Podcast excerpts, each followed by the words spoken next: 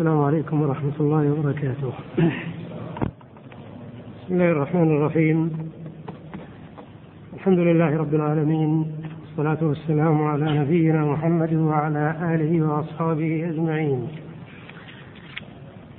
يقول المؤلف رحمه الله تعالى: والفرق بين الظاهر والعموم أن العموم ليس بعض ما يتناوله اللفظ بأولى من بعض ولا أظهر. وتناوله تناولا على السواء. فيجب حمله على على عمومه إلا أن يخصه دليل أقوى منه. والظاهر ما احتمل معنيين إلا أن أحدهما أحق وأظهر باللفظ من الآخر فيجب حمله على أظهرهما ولا يعدل عنه إلا بما هو أقوى منه. المؤلف هنا قارن بين الظاهر وبين العام لأنه ذكر أن العام يدل على معنيين. والظاهر يدل على معنيين. لكن الفرق بينهما أنه في العام جميع الأفراد على حد سواء ليس أحدها بأولى من الآخر. ففي المثال الذي ذكرنا إذا قلنا اكرم الطلاب فالطلاب كلهم سيكرمون. وليس أحد من أفراد الطلاب بأولى من الآخر. اذا العام أفراده على حد سواء. ما في مزية لبعض الأفراد على بعض. أما الظاهر فالظاهر مثل العام يدل على معنيين فأكثر. لكن لابد في الظاهر أن يكون أحد المعنيين أولى وأقرب وأظهر. مثل كلمة أسد. أسد لها معنيان. الحيوان المفترس رقم واحد. الثاني الرجل الشجاع. فإذا قلت لإنسان رأيت أسدا هل سيتساوى عنده المعنيان؟ لا هل سيفهم أنك تريد بالأسد الرجل الشجاع؟ لا سيتبادر إلى ذهنه أن المراد الحيوان المفترس إذا الظاهر وإن دل على معنيين لكن في واحد من المعنيين أقرب من الآخر. وأوضح. ولهذا الشيخ قال والفرق بين الظاهر والعموم أن العموم ليس بعض ليس بعض ما يتناوله اللفظ بأولى من بعض ولا أظهر. وتناوله تناولا على السواء. والظاهر نعم قال ما احتمل معنيين. هذا شرط. في الظاهر لابد أن الظاهر يكون في لفظ له معنيان. انتبهوا لهذا. اللفظ اللي ما له إلا معنى واحد ما يصلح أن يكون من باب الظاهر. اللي من باب الظاهر أن يكون اللفظ له معنيان. احتمل معنيين إلا أن أحدهما أحق وأظهر باللفظ من الآخر. والظاهر في اللغة بمعنى الواضح والبين. أما في الاصطلاح فهو مثل ما ذكر الشيخ محتمل معنيين هو في أحدهما أظهر. من أمثلة الظاهر قول النبي صلى الله عليه وسلم توضأوا من لحوم الإبل. توضأوا من لحوم الإبل. أخرجه أبو داود وأحمد بهذا اللفظ. ولمسلم بمعناه. هنا توضأوا لها معنيان. يعني الوضوء له معنيان.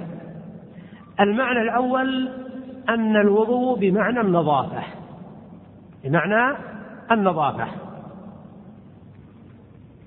فلو قي فلو إنسان مثلا انتهى من الطعام وغسل يديه بالماء والصابون يقال من جهة اللغة إنه إيش؟ ها؟ إنه توضأ. المعنى الثاني للوضوء غسل الأعضاء الأربعة. غسل الأعضاء الأربعة. الوجه واليدان والرجلان ومسح الرأس. طبعا مسح الرأس مسح على اسمه لكن قيل الأعضاء الأربعة من باب التغليب من باب التغليب. هل المعنيان على حد سواء؟ لا. هل يفهم من الحديث المعنى توضأوا من لحوم الإبل يعني اغسلوا أيديكم؟ لا. المراد بتوضأوا غسل يعني الوضوء الشرعي اللي هو غسل الأعضاء الأربعة. كذا يا إخوان؟ طيب سؤال لكم. ونسينا نسأل عن السؤال اللي أعطيناكم أمس أنا أعطيتكم السؤال ولا لا؟ إيه في تحقيق المناط. نسأل عنه إن شاء الله في آخر الدرس في ما نسينا. السؤال الآن توضأوا لها معنيان. أي المعنيين أظهر؟ قلنا الوضوء الشرعي اللي هو غسل الأعضاء الأربعة. لماذا كان هذا هو الأظهر؟ يعني ما يمكن إنسان آخر يقول لا المعنى الأظهر أن المراد النظافة. فكيف نجيب؟ نعم.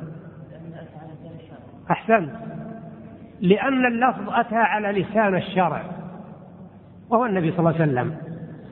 والنبي صلى الله عليه وسلم يبين اللغويات ولا يبين الشرعيات؟ شرعيات. إذا تكتب عندك أن الوضوء الشرعي هو الأظهر بسبب أن اللفظ ورد على لسان الرسول صلى الله عليه وسلم. طيب. هذا الظاهر. يقول الشيخ هنا فيجب حمله يعني العام على عمومه إلا أن يخصه دليل أقوى منه. يعني أن العمل بالعام واجب على عمومه حتى يثبت تخصيصه. لأن العمل بنصوص الكتاب والسنة واجب على ما تقتضيه دلالتها حتى يقوم دليل على خلاف ذلك. إذا كان عندي نص عام وبحثت عنه ولا وجدت المخصص فأنا أعمل به على عمومه بدليل ما ورد في الصحيحين. لحديث جابر رضي الله عنه الطويل في قصة العنبر الذي قذفه البحر في في سرية من السرايا وكان معهم أبو عبيدة عامر بن الجراح رضي الله عنه. فهذا العنبر وحيوان عظيم كما ورد وصفه في الحديث قذفه البحر. فأبو عبيدة قال إنه ميتة. لماذا؟ أخذا بعموم القرآن حرمت عليكم الميتة. فظن أبو عبيدة إن ميتة البحر مثل ميتة البر ما يجوز أكله. ثم قال لكننا مضطرون ونحن رسل رسول الله صلى الله عليه وسلم. فهو أفتاهم بأكله من أي باب؟ من باب الضرورة.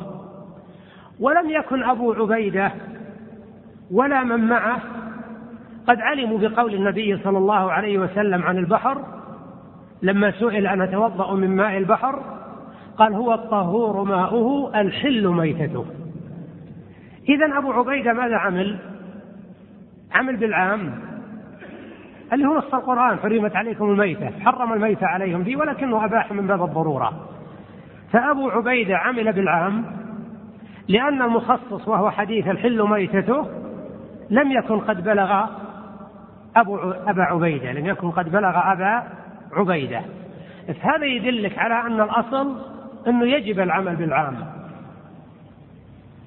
ولا يجوز لأحد أن يقول لا أنا لن أعمل بالعام. أخشى أنه مخصص. نقول لا أنت تعمل بالعام الآن وإذا وجد التخصيص تعمل بالمخصص.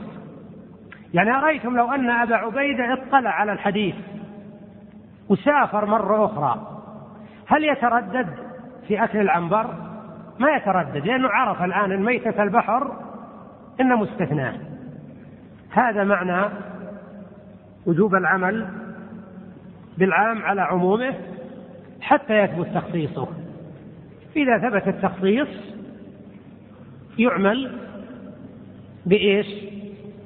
بالمخصص. مثل قول الله تعالى يوصيكم الله في أولادكم للذكر مثل حظ الأنثيين.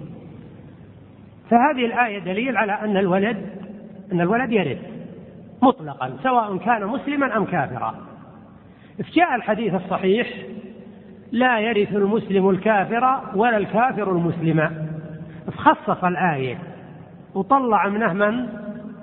طلع منها الولد الكافر صار الولد الكافر لا يرث إذا هل يجوز العمل بعموم الآية ويورث الولد الكافر؟ لا لأنه ثبت تخصيص الآية. زين. الظاهر حكمه إيه؟ انتهينا من العام. عند قوله إيه فيجب حمله على عمومه إلا أن يخصه دليل أقوى منه. الظاهر قال فيجب حمله على أظهرهما. مر علينا بالحديث أننا حملنا توضأوا على الأظهر من المعنيين وهو الوضوء الشرعي. وعلى هذا الظاهر يجب العمل به. ولا يجوز للإنسان أن يترك الظاهر إلا بدليل. لماذا؟ قال لك لأن العمل بالظاهر طريقة السلف. ثانيا أن العمل بالظاهر أحوط. وأبرى للذمة ثالثا أن العمل بالظاهر أدل على الطاعة والانقياد. العمل بالظاهر طريقة السلف الصالح. كانوا يعملون بظواهر الأدلة. ما لم يوجد صارف. الأمر الثاني أن العمل بالظاهر أحوط وأبرى للذمة إن يعني يدل على الاحتياط. يعني مثلا بالحديث الذي معنا لو إنسان لما أكل لحم الإبل غسل يديه وإنسان آخر لما أكل لحم الإبل توضأ. أيهما الذي عمل بالأحوط والأبرى للذمة؟ الوضوء لأن اللي توضأ توضأ وغسل يديه زيادة. هذا وجه أنه أحوط وأبرى للذمة. والأمر الثالث أن العمل بالظاهر أدل على الطاعة. والانقياد. لأن وضوح الطاعة باللي غسل يديه أكثر من وضوح وضوح الطاعة باللي توضأ أكثر من وضوحها في الذي غسل يديه. ولا يعدل عنه يعني عن الظاهر إلا بما هو أقوى منه. إلا بما هو أقوى منه. مثاله قول الله تعالى حرمت عليكم الميتة. ظاهر الآية إن التحريم يتناول جميع أجزاء الميتة حتى الجلد. حتى الجلد. هذا ظاهر. الآية أخذا بلفظ العموم لأن كلمة الميتة من صيغ العموم. ومن أجزاء الميتة الجلد. إذا أخذنا الآية على عمومها وعلى ظاهرها استفدنا من هذا تحريم الجلد جميع الأجزاء يعني ومنها الجلد. رأينا قول الرسول صلى الله عليه وسلم أيما إهاب دبغ فقد طهر. أيما إهاب يعني ولو كان جلد ميتة ولو كان جلد ميتة لأن أيما من صيغ العموم. أيما إهاب دبغ فقد طهر. إذا أيهما أقوى؟ ظاهر الآية أن تشمل الجلد ويحرم حتى الجلد ما يجوز استعماله ولا دبغه ولا هالحديث اللي هو نص الموضوع؟ هذا الحديث. إذا تركنا ظاهر الآية اللي تناول الجلد وأخذنا بدلالة إيش؟ الحديث. وكل عموم ظاهر وليس كل ظاهر عموما لأن العموم يحتمل البعض إلا أن الكل أظهر. يقصد بهذا يعني أن الأظهرية الظاهر أنها واضحة وبينة. ولهذا يقول إن كل عموم ظاهر. لكن ليس كل ظاهر عموما لأنه إذا كان بعض المعنيين أوضح هذا ما يصير من باب العام. يصير من باب العام لأن اتفقنا على أن العام يكون المعنيان على وتيرة واحدة. لكن قد يوجد من بعض صيغ العموم أنه بعض الأفراد قد يكون أوضح من بعض. يعني مثل حرمت عليكم الميتة أيهما أوضح بالآية بالتحريم؟ يعني اللحم ولا الجلد؟ طبعا تناول الآية للحم هذا أوضح. هذا معنى كلامه هنا. قال فأما قوله فأما مثل قوله تعالى فاقتلوا المشركين. المشركين صيغة عموم لأن ال هنا نعم استغراقية أو أن موصولة بمعنى الذي لأن دخلت على مشتق وال اللي تدخل على مشتق هي ال الموصولة. إيه فهنا المشركين يعني ألف المشركين هي من صيغ العموم لأن اسم موصول ودخلت على مشتق اللي هو اسم الفاعل. فكان عموما في جميعهم يعني في جميع المشركين. والظاهر الشيخ يمثل الظاهر الآن مثل قوله تعالى وآتوهم من مال الله الذي آتاكم. يعني في الأرقة. الآية في سياق والذين يبتغون الكتاب مما ملكت أيمانكم فكاتبوهم إن علمتم فيهم خيرا وآتوهم من مال الله الذي آتاكم. وطبعا الكتابة معناها أن السيد يكاتب عبده على مبلغ من المال إذا أداه يعتق. والمبلغ ذا يوزع على أقساط أو أقساط تسمى عند الفقهاء بالنجوم. يقول السيد مثلا لعبده إن أعطيته مثلا عشرة آلاف دينار خلاص تصير حر. روح اشتغل. يروح العبد ويشتغل يقول له مثلا السيد كل شهر مثلا تعطيه 500 دينار أو تعطيه مثلا 100 دينار مثلا. تحدد له. إذا أن السيد أنهى المبلغ ذا خلاص قال العبد أنهى المبلغ وأعطاه سيده خلاص يقول للسيد مع السلامة لأنه صار حر الآن ليس لأحد عليه سبيل. هذا معنى والذين يبتغون الكتاب مما ملكت أيمانكم فكاتبوهم إن علمتم فيهم خيرا. قال العلماء إن معنى إن علمتم فيهم خيرا يعني إنه عبد صالح وكسوب ما هو فاسد من جهة وبطال كسلان من جهة. هذا ما ما تفيد معه الكتابة. لكن إذا كان مستقيم إذ أنه راح يشتغل ما يروح يعثر في الأرض فسادا. وفي نفس الوقت يبي يشتغل ويكتسب. هذا هو الذي يكاتب. فكاتبوهم. إن علمتم فيهم خيرا. قال الله تعالى وآتوهم من مال الله الذي آتاكم. آتوهم الظاهر أن الخطاب للأسياد. اللي كاتبوا كاتبوا أرقاءهم. يعني أمروا أن يعطوهم شيئا من المال. يعطي السيد عبده شيئا من المال. إما أنه يعطيه من المال ابتداء أو أنه ينزل عنه بعض الأقساط. يعني كاتبه مثلا مثل ما قلنا على عشرة آلاف دينار. يوم جاء العبد يوم من الأيام يبي يعطي السيد قسط من الأقساط اللي هو نجم قال السيد أنا نزلت عنك ألفي دينار حذفتهم عنك لوجه الله تعالى. هذا معنى قول الله تعالى وآتوهم منين؟ من مال الله مو مالكم أنتم أصل المال لله. فالتعبير القرآني لأجل استعطاف الأسياد أنهم يعطفون على أرقائهم. قال وآتوهم مما لله الذي آتاكم. طيب. آتوهم. هذه صيغة أمر. هل هو للوجوب أو للندب يقول الشيخ هنا ويحتمل الند. كذا عندكم ويحتمل بالواو. وهو كذا في المخطوطة. لكن الذي في العدة لأبي يعلى فيحتمل. وأنا يبدو لي أن التعبير بالفاء أحسن. تعبير بالفاء أحسن لكن نبقي النسخة على ما هي عليه بناء على المخطوطة. لكن لو قال يحتمل لأنه قوله ويحتمل بالواو كان في عطف على شيء مقدر ولا لا؟ لكن لا إذا قال فيحتمل يكون أوضح. فيحتمل الندب إلا أن ظاهره الوجوب.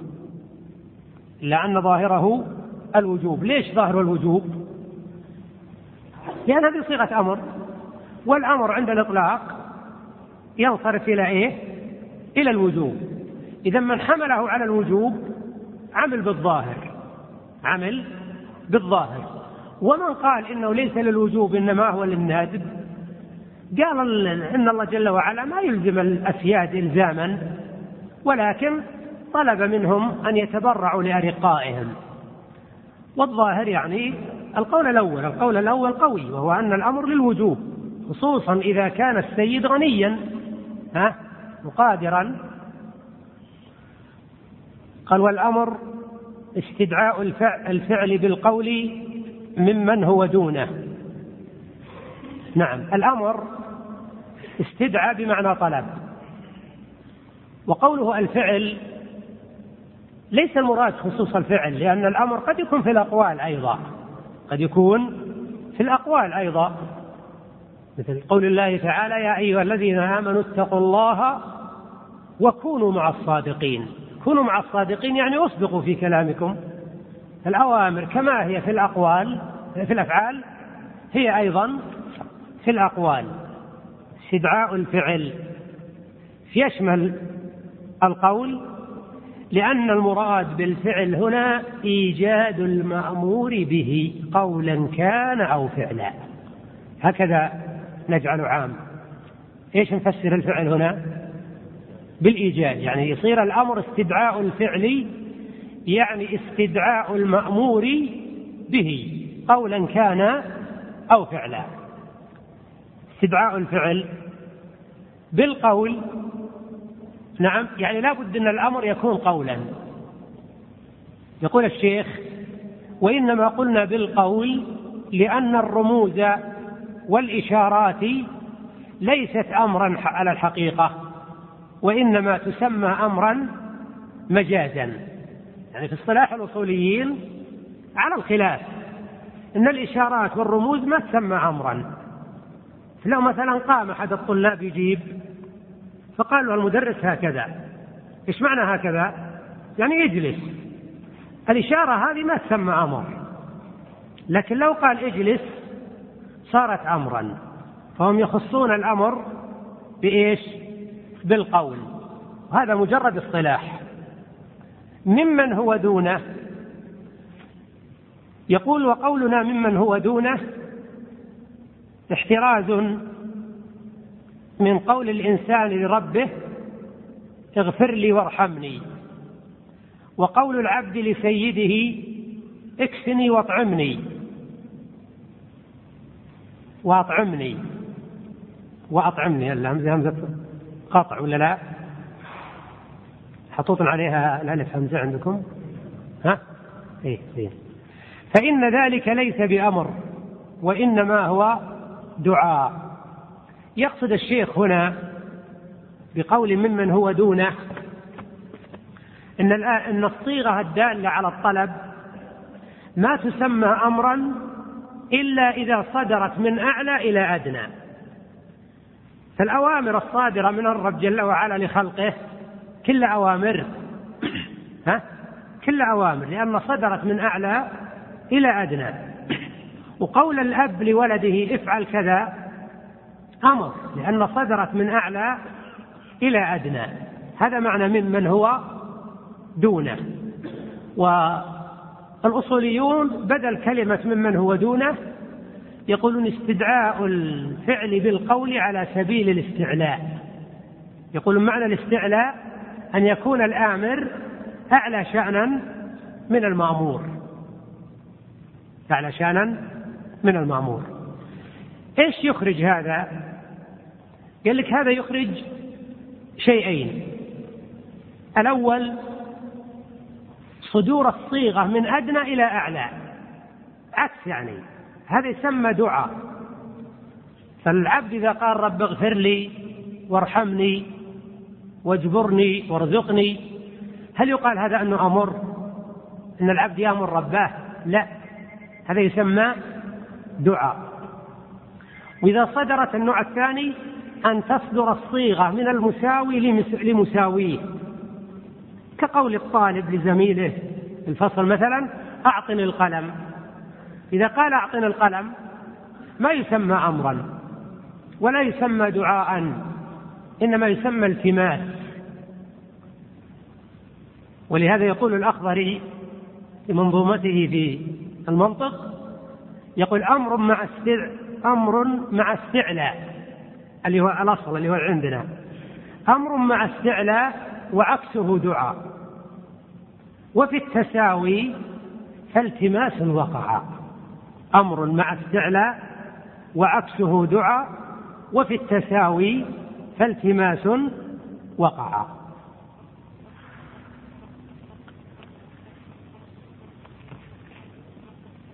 وقول الشيخ هنا وقول العبد لسيده اكسني واطعمني فإن ذلك ليس بأمر وإنما هو دعاء. التعبير بدعاء غير جيد. كذا ولا لا. وإنما كان الأولى يقول فإن ذلك ليس بأمر وإنما هو سؤال وطلب. إنما هو سؤال وطلب. أحسن من كلمة دعاء. والنهي المنع من طريق القول. النهي المنع. ومعنى المنع؟ يعني طلب الترك. طلب الترك. مثل الأمر. من طريق إيش؟ من طريق القول. يقول الشيخ وإنما قلنا من طريق القول لأن من قيد لأن من قيد وأغلق عليه باب فقد منع وليس من طريق القول. يعني يقصد الشيخ إنه ما هو أي منع يسمى نهي. ها؟ ما النهي؟ المنع اللي بالقول. أما المنع اللي بالفعل ما يسمى نهي. فلو أتي مثلا بشخص وقيد وأغلق عليه باب يصدق عليه إنه منع من الخروج. لكن هل يصدق عليه؟ يصدق على اللي قيده إنه نهاه؟ لا. لأن النهي لابد يكون بالقول. فإذا قيل لا تفعل هذا نهي. لأنه ممنوع من الفعل. لكن لو قيده صحيح إنه ممنوعه لكن ما منعه بالقول. فلا يصدق عليه أنه نهي. المقصود إن الأمر والنهي كلاهما لا بد أن يكون عن طريق القول. والجائز ما وافق الشريعة. الجائز ما وافق الشريعة. فيقال صلاة جائزة وصوم جائز. الشيخ ذكر هنا أن الجائز له معنيان. معنى في العبادات ومعنى في العقود. المعنى الأول الذي يعني أو بدل ما نقول في العبادات نقول في الأفعال أحسن حتى يشمل العبادات والعقود لأنه يقال بيع جائز ووكالة جائزة مثلا بمعنى أنها موافقة للشريعة ومعروف أنه ما يحكم بالجواز إلا إذا توفرت الشروط وانتفت الموانع. هذا معنى الجائز فمن صلى صلاة بشروطها وأركانها يقال فلان صلاته جائزة يعني موافقة للشريعة. لكن الشيخ تطرق إلى معنى آخر جيد وهو الجائز في العقود. فقال هذا المعنى الثاني إذا المعنى الأول أن الجائز ما وافق الشريعة مطلقا. المعنى الثاني وتقول الفقهاء الوكالة عقد جائز وبيع جائز ويريدون بذلك أنه ليس بلازم ويكون ذلك في كل عقد للعاقد فسخه بكل حال. إذا معنى هذا أن كلمة الجائز له معنى في باب العقود. له معنى في باب العقود. ما الجائز في باب العقود؟ كل عقد يملك كل واحد من المتعاقدين فسخه بدون رضا الآخر. العقد الجائز هو الذي يملك كل واحد من المتعاقدين فسخه بدون رضا الآخر أو بدون إذن الآخر. اللازم العقد اللازم عكسه. هو الذي لا يملك أحد من المتعاقدين فسخه إلا بإذن الآخر. طيب. العقود يا إخوان وهذه فائدة مهمة. العقود باعتبار اللزوم والجواز تنقسم إلى ثلاثة أقسام. القسم الأول عقد لازم بين الطرفين. يعني إذا تم العقد يكون لازما كالنكاح والبيع. بعد مدة الخيار والإجارة والخلع. هذه إيش نوعها؟ هذه عقود لازمة.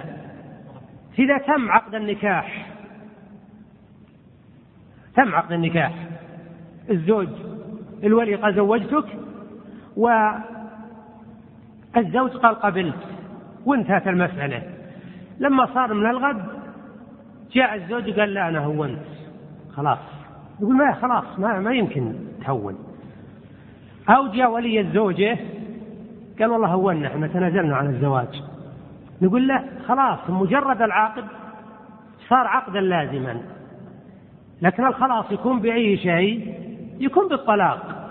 إن كان من قبيل الزوج وإن كان من قبيل الزوجة يكون الخلع. كذا البيع بعد انتهاء مدة الخيار يعني خيار المجلس. شخص مثلا باع على شخص سيارة. وجلسوا بمجلس البيع نص ساعة ساعة أقل أكثر ومشوا. أخذ ذا السيارة ودخل الدراهم. فلما صار من الغد جاء المشتري قال والله أنا تنازلت أنا. أبيك تعطيني قروش وهذه سيارك. يمكن ولا ما يمكن؟ ما يمكن.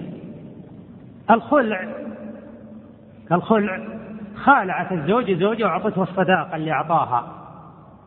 وموشت المسألة وانتهى. فلما صار من الغد جاء الزوج وقال لا أنا خذ الصداقة أنا ما أريد الخلع يقول لا ما يمكن. إذا هذه تسمى عقود إيش؟ لازمة من الطرفين. النوع الثاني عكسه. عقود جائزة أو عقد جائز من الطرفين. مثل الوكالة والشركة والوديعة والبيع مع شرط الخيار. هذه كلها عقود جائزة. فالوكالة نعم عقد جائز. لو تشوفون تمرون على كتب الفقه مثل متن الزاد ولا دليل الطالب تشوفون بباب الفقه كيف يكررون كلمة عقد لازم عقد جائز عقد لازم عقد جائز. فالوكالة عقد جائز. لو إنسان مثلا وكل شخص قال أنا بوكلك مثلا على مزرعتي في المكان الفلاني تكون مشرف عليها إشرافا كاملا.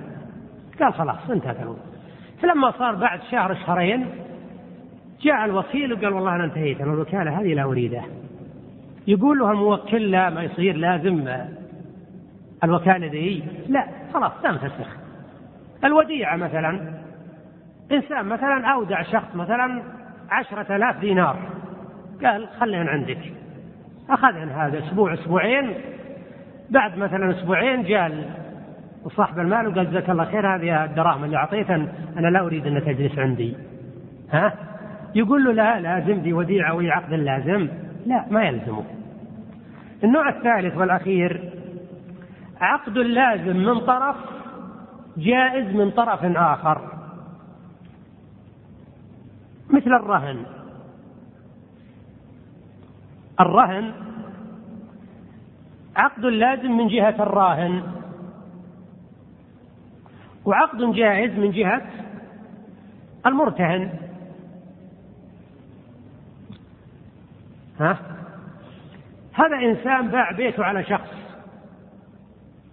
مئة مثلا ألف دينار. كذا ولا لا؟ ولكنه ما وثق من هذا الشخص لأنه ما أعطاه الدراهم إلى الآن. فقال أريد أنك تعطيه الرهن تجيبه وحطه عندي. قال خذ السيارة أنا عندي سيارة. أجيبه وتدخله عندك ب ما أدري البايك ولا الكراج ولا ما أدري إيه جابه الآن. اللي جاب السيارة وش اسمه؟ الراهن. واللي أخذ السيارة اللي هو بيعنا البيت وش اسمه؟ المرتهن. الرهن لازم بالنسبة للراهن. واجب عليه بما أن هذا طلب من الرهن حيث لو أن الراهن صاحب السيارة جاء للمرتهن وقال عطنا السيارة يقول لا السيارة لازم لمين تأدي الدين اللي علي إذا الرهن عقد لازم بالنسبة للراهن ولا لا؟ المرتهن اللي هو البايع عقد جائز. لو قال يا أخي والله السيارة ضيقت علينا هذه تعال اخذه والدراهم إن شاء الله تجي مي ضايعة علي. يجوز أنه يعطيه إياه؟ يجوز. ومثلها الوقف فنكتفي بهذا. يكون ذلك في كل عقد للعاقد فسخه بكل حال ولا يؤول إلى اللزوم وفيه احتراز من البيع المشروط وفيه الخيار. الحقيقة الواو هي قلقة جدا. واللي رأيتنا في كتاب العدة لأبي يعلى البيع المشروط فيه الخيار. لأن البيع زمن الخيار عقد لازم. ها؟ اي عقد جائز. يعني لو باع عليه سيارة وقال بشرط إني ترى بيني وبينك ثلاثة أيام. البيع مدة ثلاثة أيام. جائز. لو جاء المشتري قال تنازلت. ما يلزمه البائع ولو جاء البائع وقال تنازلت ما يلزمه المشتري. لكن لا تمت مدة الخيار ثلاثة أيام ولا نقض البيع. إيش الحكم؟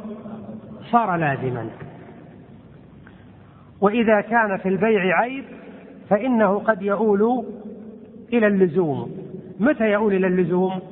إذا رضي المشتري بالعيب ولا جال البايع خلاص صار البيع عقدا لازما. والخبر ما دخله الصدق والكذب. والصدق ما خرج من مخبره على ما أخبر به. نعم الخبر ما دخله الصدق والكذب. معنى يا إخوان دخله الصدق والكذب يعني أن الخبر يحتمل الصدق ويحتمل الكذب. إن طابق الواقع فهو صدق وإن خالف الواقع فهو كذب. هذا السبب. فلو جاء إنسان وقال لنا نجح محمد. رحنا للمدرسة الأسماء الناجحين ورأينا أن محمدا من بين الناجحين. يكون الخبر؟ يكون صدقا. لماذا؟ لأنه طابق الواقع. لكن لو رأينا أن محمدا مع الراتبين يكون الخبر كذبا لأنه خالف الواقع. إذا الخبر يحتمل الصدق والكذب. لكن فيه قيد اتركها المؤلف وهو مهم. وهو أن يقال أن الخبر ما دخله الصدق والكذب لذاته. بغض النظر عن القائل. لأن في أخبار مقطوع بصدقها وهي أخبار الله تعالى. وأخبار النبي صلى الله عليه وسلم الثابتة الصحيحة. هذه ما يدخلها ما يقال يدخل الصدق والكذب. لأننا بالأخبار ذي ننظر إلى من؟ ننظر إلى القائل. لكن بأخبار بقية الناس ننظر إلى الواقع. وفي أخبار مقطوع بكذبها. وهي مثل أخبار من يدعي النبوة. هل يقال أن مدعي النبوي مثل مسيلمة الكذاب وغيره؟ أنه كلامه يحتمل الصدق ويحتمل الكذب؟ لا قطعا كذب. النوع الثالث ما يحتمل الصدق والكذب وهو كلام بقية الناس. إذا نظرنا للقائل يصير الخبر ثلاث أنواع. خبر مقطوع بصدقه خبر مقطوع بكذبه خبر محتمل للصدق والكذب. والصدق ما خرج من مخبره على ما أخبر به. يعني إن الخبر إن الصدق ما كان مطابقا للواقع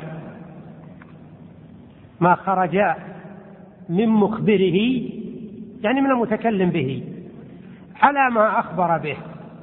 وين الجار والمجرور على؟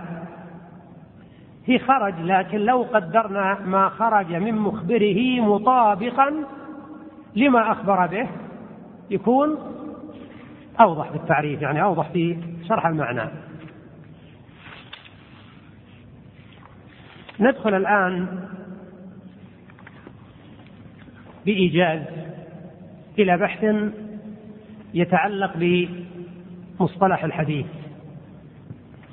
قال وحديث النبي صلى الله عليه وسلم ينقسم لستة أقسام مسند وهو ما اتصل سنده بالنبي صلى الله عليه وسلم وهو الصحيح. وهو الصحيح يعني هذا هو التعريف الصحيح للمسند. ما اتصل سنده بالنبي صلى الله عليه وسلم. لا يتصل سند بالنبي صلى الله عليه وسلم إلا إذا كان الذي رفعه إلى النبي هو الصحابي. لو كان رفعه التابعي نعم ما يصير متصل لأنه أكيد بين النبي صلى الله عليه وسلم وبين التابعي واسطة. وعلى هذا الحديث المسند له وصفان. الوصف الأول أن يكون ظاهره الاتصال والوصف الثاني أن يكون مرفوعا يعني الرفع. مثال مثلا قول البخاري حدثنا عمران ابن ميسرة حدثنا عبد الوارث. البخاري الآن شوف الآن السند كيف بدأ. قال حدثنا عمران بن ميسرة هذا شيخ البخاري. حدثنا عبد الوارث عبد الوارث. عن أبي التياح عن أنس رضي الله عنه أن النبي صلى الله عليه وسلم قال إن من أشراط الساعة أن يرفع العلم ويثبت الجهل ويشرب الخمر ويظهر الزنا. هذا الحديث بما يوصف مسند. اتصل سنده من الراوي له وهو البخاري إلى النبي صلى الله عليه وسلم. إذا هذا الحديث سنده متصل. رفعه إلى النبي من؟ الصحابي وهو أنس رضي الله عنه. وقول الشيخ هنا وهو الصحيح إشارة إلى القول الثاني إن المسند ما رفع إلى النبي صلى الله عليه وسلم خاصة سواء كان متصلا أو منقطعا. يقول أهم شيء أنه يصل للرسول صلى الله عليه وسلم؟ ولو أن السند في وسطه ها انقطاع. لكن هذا التعريف ضعيف. في معنى آخر للمسند وهو أنه يطلق على الكتاب الذي جمع فيه المؤلف أحاديث كل صحابي على حدة. مثل مسند الإمام أحمد. هذا يصدق عليه أنه أيضا أو يسمى مسند. طيب قال ومرسل وهو ما أرسله التابعي عن النبي صلى الله عليه وسلم ولم يذكر فيه الصحابي. هذا المرسل. التابعي يروي عن الرسول صلى الله عليه وسلم ولا يذكر الصحابي. ولا شك إن التابعي ما سلم ما سمع من النبي صلى الله عليه وسلم. أكيد بين بينه وبين الرسول صلى الله عليه وسلم صحابي. هذا معنى أنه مرسل. ومن أمثلته ما أخرجه مسلم في صحيحه بسنده عن سعيد بن المسيب قال نهى رسول الله صلى الله عليه وسلم عن المزابنة والمشاقلة. عن المزابنة والمشاقلة. هذا مرسل لأن سعيدا تابعي ما أدرك النبي صلى الله عليه وسلم. فأكيد بينه وبين النبي صلى الله عليه وسلم إيش؟ صحابي. ولهذا قال العلماء إن المرسل لا يحتج به ليس بحجة إذا كان مرسل تابعي وهو المقصود هنا. لا يحتج به لأننا لا ندري من هو الساقط من الإسناد. أما بالنسبة للمرسل الصحابي نعم. فهو حجة. إيش معنى مرسل الصحابي؟ إن الصحابي مثلا يقول قال رسول الله صلى الله عليه وسلم ونحن نعرف أن هذا الصحابي كان صغيرا وقت المقالة هذه مثلا. مثل قول عائشة رضي الله عنها أول ما بدأ بالوحي برسول الله صلى الله عليه وسلم أنه كان لا يرى الرؤيا إلا كانت مثل فلق الصبح. الكلام هذا تقول عائشة. وعائشة ما أدركت بداية الوحي. ما أدركت بداية الوحي ولا قبل الوحي. لأن ما ولدت إلا فيما بعد. إذا هذا يسمى مرسل صحابي. فهو حجة. لأنه سمعه عن صحابي مثله. وموقوف وهو ما حكي عن الصحابي ولم يذكر فيه النبي صلى الله عليه وسلم ولم يذكر فيه النبي صلى الله عليه وسلم. هذا يسمى موقوف وهو ما أضيف إلى الصحابي من قول أو فعل. مثل ما ورد في كتاب البخاري جزء رفع اليدين أن ابن عمر كان يرفع يديه في الصلاة على الجنازة مع كل تكبيرة. أن ابن عمر كان يرفع يديه في تكبيرات الجنازة مع كل تكبيرة. هذا ما حكمه؟ موقوف. هذا فعل صحابي والصحابي فيه أو في في قوله حجة. سيأتينا إن شاء الله في درس الغد الكلام على نعم قول الصحابي هل هو حجة أو لا أو فعله. المقطوع ما سقط من سنده رجل. ما سقط من سنده رجل. تعبير الشيخ بالمقطوع هذا مخالف لما عليه جمهور المحدثين من أن المقطوع هو ما هو ما نسب إلى التابعي. واللي يسقط من فيه رجل من السند فيه رجل يسمى منقطع. يسمى منقطع. وإن كان الشافعي رحمه الله استعمل هذا اللفظ مثل المؤلف أو المؤلف بمعنى أدق مثل الشافعي لكن الذي استقر عليه المحدثون إلى يومنا هذا أنه أن هناك فرقا بين المنقطع والمقطوع وهو أن المقطوع من صفات المتن لأن المقطوع ما أضيف إلى من؟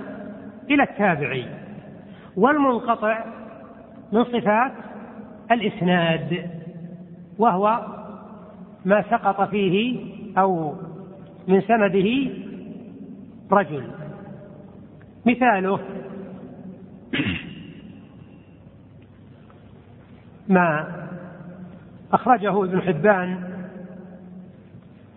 من حديث المطلب ابن عبد الله ابن حنطب عن عائشة قالت ما دخل رسول الله صلى الله عليه وسلم بيتي في الضحى إلا صلى ثماني ركعات. قال العلماء هذا حديث في سنده انقطاع. لأن المطلب بن عبد الله بن حنطب لم يسمع من عائشة. إذا أكيد بين عائشة وبين المطلب رجل. هذا الرجل سقط من الإسناد. وعلى هذا فيقال أن الحديث ضعيف لأن المنقطع من قبيل الضعيف. طيب. قال وبلاغ. وهو ما قال المحدث بلغني عن النبي صلى الله عليه وسلم. هذا البلاغ. مثاله.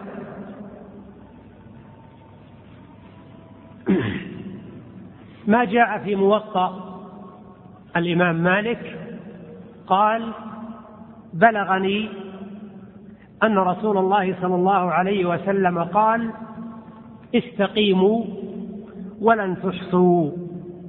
واعملوا. وخير أعمالكم الصلاة.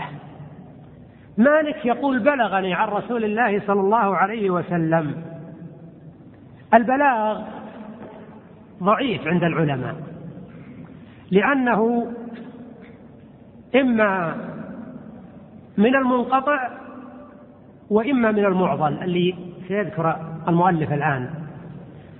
الفرق بين المنقطع والمعضل يا إخوان المنقطع يسقط واحد والمعضل يسقط اثنان. ولهذا يقول العلماء تفضل أن البلاغ إما منقطع وإما معضل. والبلاغات في الموطأ كثيرة. حصرها ابن عبد البر في آخر التمهيد بما بما يقارب ستين بلاغا. شوفوها يعني انظروها في آخر التمهيد. ومعضل وهو ما سقط من سنده رجلان. شرط أن يكون السقوط في موضع واحد من السند. أما لو كان السقوط في موضعين من السند ما يكون معضلا إنما يكون انقطاعا ثانيا. نعم. يعني لو فرضنا مثلا أن عندنا مثلا الإخوان اللي بالصف الأول ستة أشخاص هؤلاء سند لأحد الأحاديث. فبعد الراوي الأول مثلا سقط عندنا رجلان حيث أن الأول روى مباشرة عن الشخص الرابع. طبعا هذا يرجع إليه تواريخ وفيات الرواة. نقول هذا معضل الآن لأنه سقط رجلان في موضع واحد من السند. لكن لو فرض أنه سقط بعد الراوي الأول رجل صارت الرواية انتقلت الرقم ثلاثة. ثم مثلا في وسط السند سقط رجل آخر. هذا ما يسمونه معضلا. هذا يسمونه منقطعا في موضعين. وعلى هذا يعني عبارة المؤلف هنا تحتاج إلى زيادة قيد وهو أن نقول ما سقط من سنده رجلان ها في موضع واحد من السند. ومن أمثلة المعضل.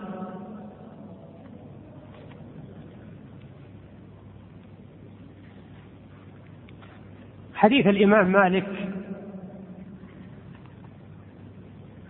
الإمام مالك في في موطئه قال بلغني أن أبا هريرة رضي الله عنه قال قال رسول الله صلى الله عليه وسلم للمملوك طعامه وكسوته.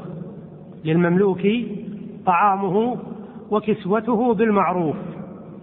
ولا يكلف من العمل ما يطيق إلا ما يطيق.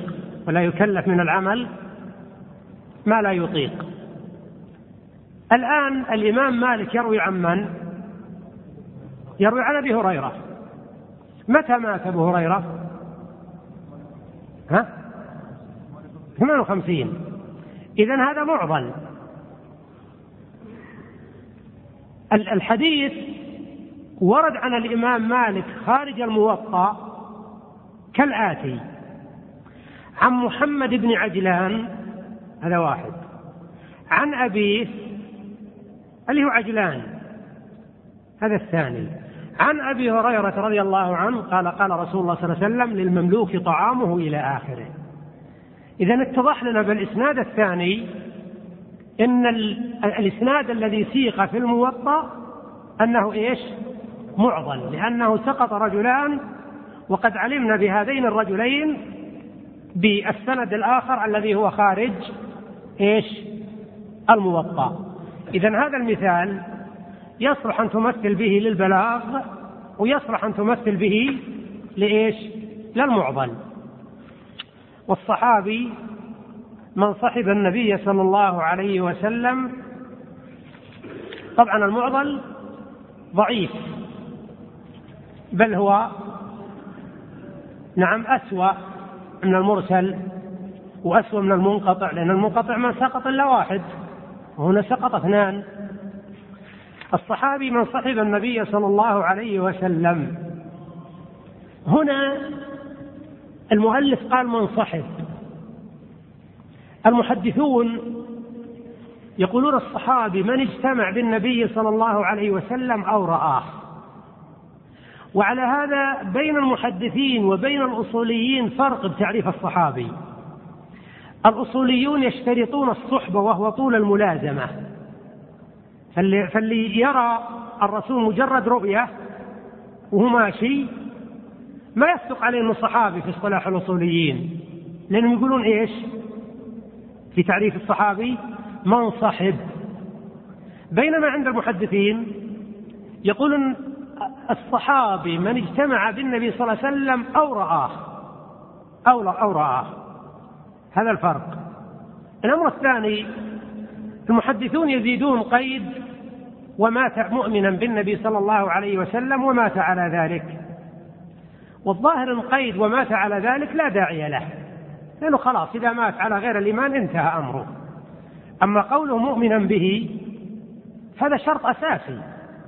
ولا مثل أبو جهل وأضراب وأبو لهب رأوا النبي صلى الله عليه وسلم. ولكن لا يقال لهم صحابة لأنهم ما كانوا مؤمنين به. والتابعي من صحب الصحابي. من صحب الصحابي. يعني الذي يجتمع بالصحابي يطلق عليه أنه تابعي. وهذا اصطلاح العلماء. والتواتر ما وقع عقيب ما وقع العلم عقيبه ضرورة. بقي عندنا تواتر وبقي المعارضة لعلنا نكتفي بهذا القدر. الله تعالى أعلم.